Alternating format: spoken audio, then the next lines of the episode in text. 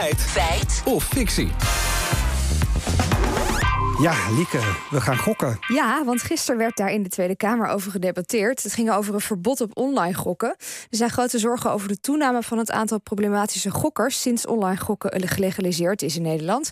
Minister Weerwind voor Rechtsbescherming gooide tijdens dat debat een opmerkelijke anekdote op tafel.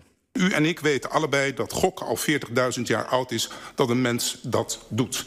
Toen waren het nog botjes van geiten. En vervolgens merken we nu dat het om hele harde euro's gaat. Ja, was dit een gokje van Weerwind? Ja, of, eh, hele harde euro's. Gokten we echt 40.000 jaar geleden al? Ja, schijnbaar. Hij zegt het vrij stellig. Hij zegt trouwens dat hij die informatie van verslavingszorginstelling Jel- Jellinek heeft. Dus wij zijn het maar eens gaan checken. Ja, want waarom zou Weerwind die uitspraak eigenlijk doen in een eh, debat? Ja, dat vroegen we aan Gerrit Dusseldorp van de Universiteit Leiden. Hij doet onderzoek naar de evolutie van de mens. Ik denk dat hij probeert te zeggen dat gokken van alle tijden is. En dat het misschien een diep gevoelde menselijke behoefte is.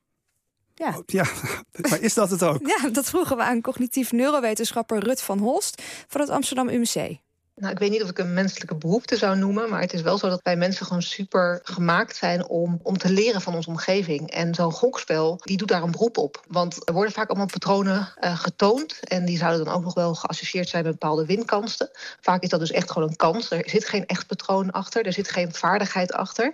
Maar omdat wij zo gemaakt zijn dat wij denken dat we van dingen kunnen leren, denken we dus ook met zo'n kansspel ook dat wij dus bepaalde vaardigheden kunnen ontwikkelen. Maar dat is dus niet zo. Nee, die gokspellen die springen dus heel handig in op de werking van onze hersenen. Ja, met alle gevolgen van dien. Want Mhm. de Kamer debatteert er natuurlijk niet zomaar over. Gokken wordt vaak gelinkt aan de negatieve gevolgen ervan. Ja, klopt. En de een is daar vatbaarder voor dan de ander. Van Holst legt uit welke factoren daarin een rol spelen. Wat zijn je redenen dat je gaat spelen?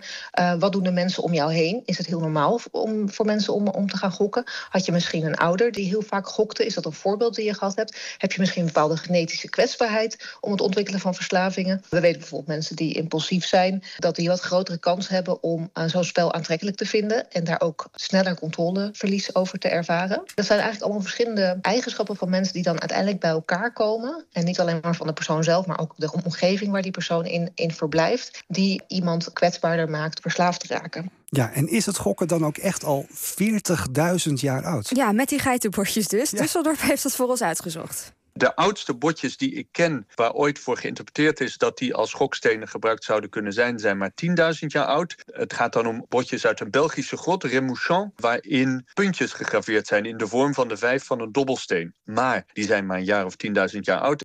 Uh, dus voor gokken uh, zo lang geleden is, is geen hard bewijs. Ja, maar een jaar of 10.000 oud, Ja. dat is... Uh...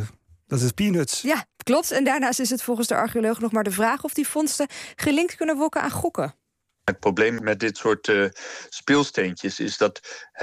Wie, zegt mij dat het niet gewoon uh, een kinderspel is? Uh, we weten helemaal niet zeker of dat voor, voor gokken gebruikt is. Misschien is het wel gewoon een versierd bot, of hebben ze het voor iets anders gebruikt. In veel religies worden botjes gebruikt om de toekomst te voorspellen. Die gooi je dan op en dan interpreteer je hoe ze landen. Misschien is dat dan automatisch als gokken interpreteren ook wat cynisch. Tijd voor de conclusie dan. Ik voel hem al een beetje aankomen, ja. Lieke, maar gokten mensen 40.000 jaar geleden al? Nee, de eerste aanwijzingen dat mensen inderdaad gokten... werd pas 10.000 jaar geleden gevonden.